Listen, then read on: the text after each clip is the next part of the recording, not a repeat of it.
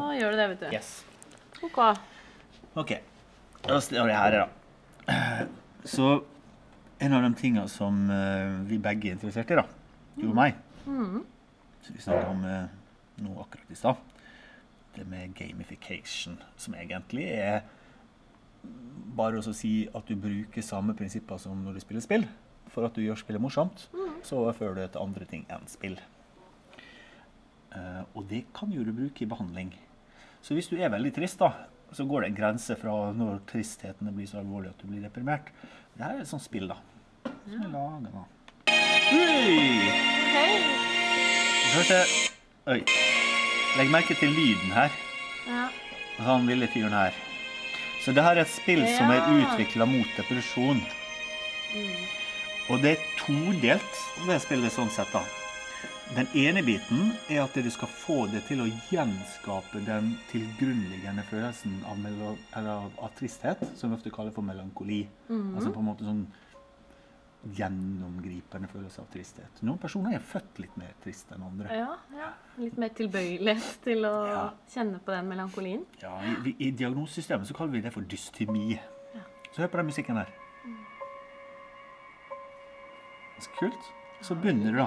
Og En annen ting som er kult med gamification, og dette er et gratis spill, så heter vel lyd, altså, er jo at, uh, at det er selv... uh, altså det er intuitivt. Så du, du finner litt ut av det. Så her begynner du, da. Så ha- bruker du bare piltastene, så går du. Ja, I en sånn depressivt, trist om, område, da. Veldig mørkt og Så kan du lage lyder. Den lyden her gjør at fuglene kvitrer. Okay. Og så kan du hoppe, da. Så der står du en fugl, da. Og du kan hoppe på ting og klatre òg, kan du det? Ja, og du, du kan hoppe mer, da. Så hvis du går først her sånn, og så går du opp her sånn, så hopp over her, så kan vi prøve her da på å se om vi får han til å kvitre. Ja. For da kunne vi se lydbølgene nesten, som Ja. gikk ut ifra deg der. Der falt han ned igjen. Så hør musikken din nå. Sånn tung, litt sånn piano. Dystert. Veldig dystert her. Nå har jeg ikke spilt gjennom hele spillet, Nei. men poenget er at det, dette her er første fase, altså første level, da. Ja. Og så blir jo det forandra det karakter jo lenger du kommer. Det er tilsvarende når du har behandling mot depresjon. Så har du også faser, liksom. Ja. Fint? Veldig.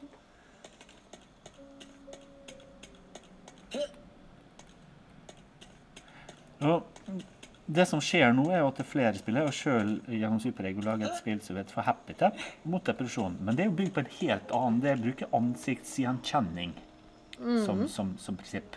Dette prinsippet her bruker rett og slett at du prøver å lære folk som er deprimerte, å øh, ha troa på seg sjøl og ikke gi opp. Og I tillegg så får du også for pårørende og sånn, så kan man også være med på det. Ja, så jeg tenker Det ligger en slags eh, psykoedukasjon i det, nesten. Ja. Bare med den stemningen som det. det. spillet her skaper. og...